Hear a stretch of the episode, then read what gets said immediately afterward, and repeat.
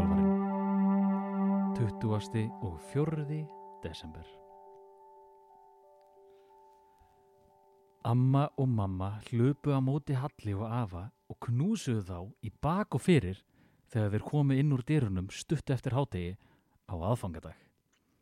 Pappa brá svo að hann sveldist á og kom ekki upp orði í heil langan tíma. Ræsti sér bara og hóstaði á viksl. Þó leiði niðurfjallið hefði verið mun öðveldara en svo upp. Voru fæturni lúnir og gott að koma inn í hlíuna í ömmubæi. Amma stóð við orð sín og fyrsta mál á dagskrá var því að háma í sig allt flatbröðið og rækjusalatið sem hún hafði útbúið. Mamma myndi Halla á að borða ekki of mikið.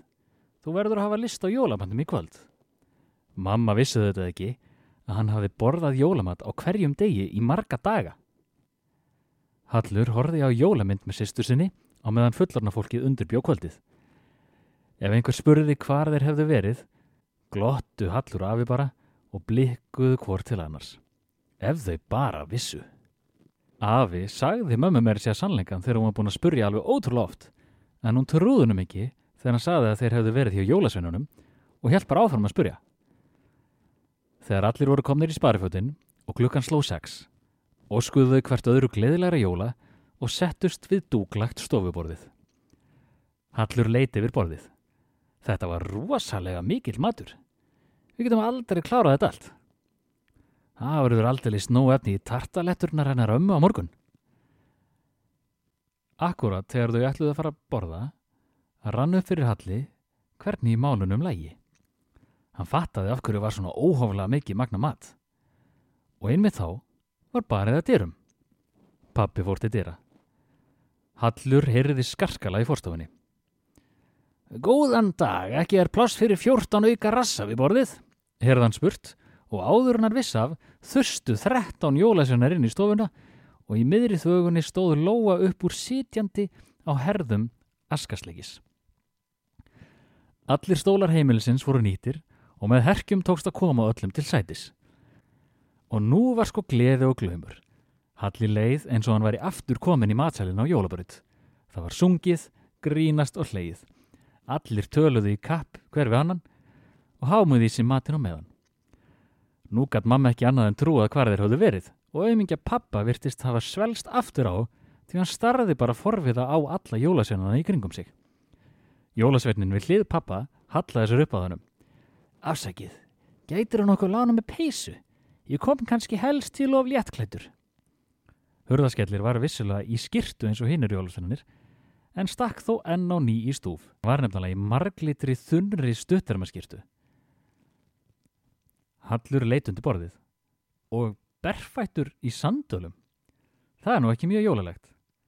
Eftir matinn, þegar börn, fullornir og jólasveinar stóðu á blístri og búið var að ganga frá og laga kaffi, var komið að pökunum.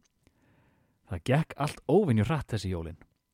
Sem er kannski ekkit skrítið þegar það eru skindilega komðar 26 auka hendur til aðstöða við uppvask, uppáhellingu og upptöku pakka.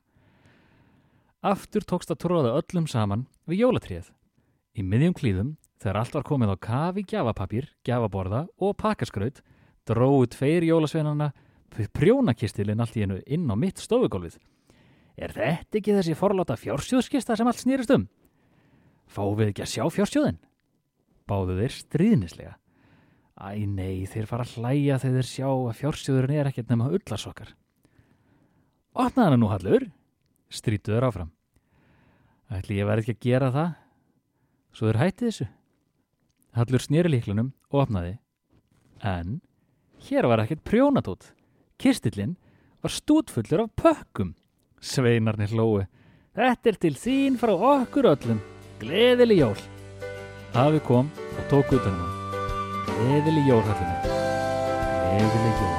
Velkomin á jólabraut þrjú Gaktu í bæinn og látt eins og þú Eir heima hér Við allir eru velkomnir í desember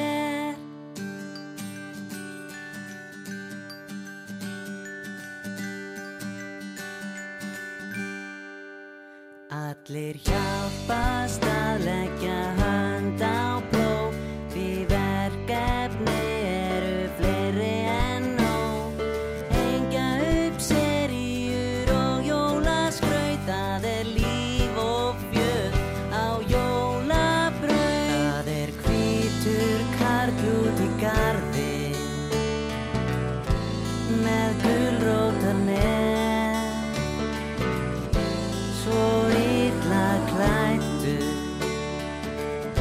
skildan ekki fá hver.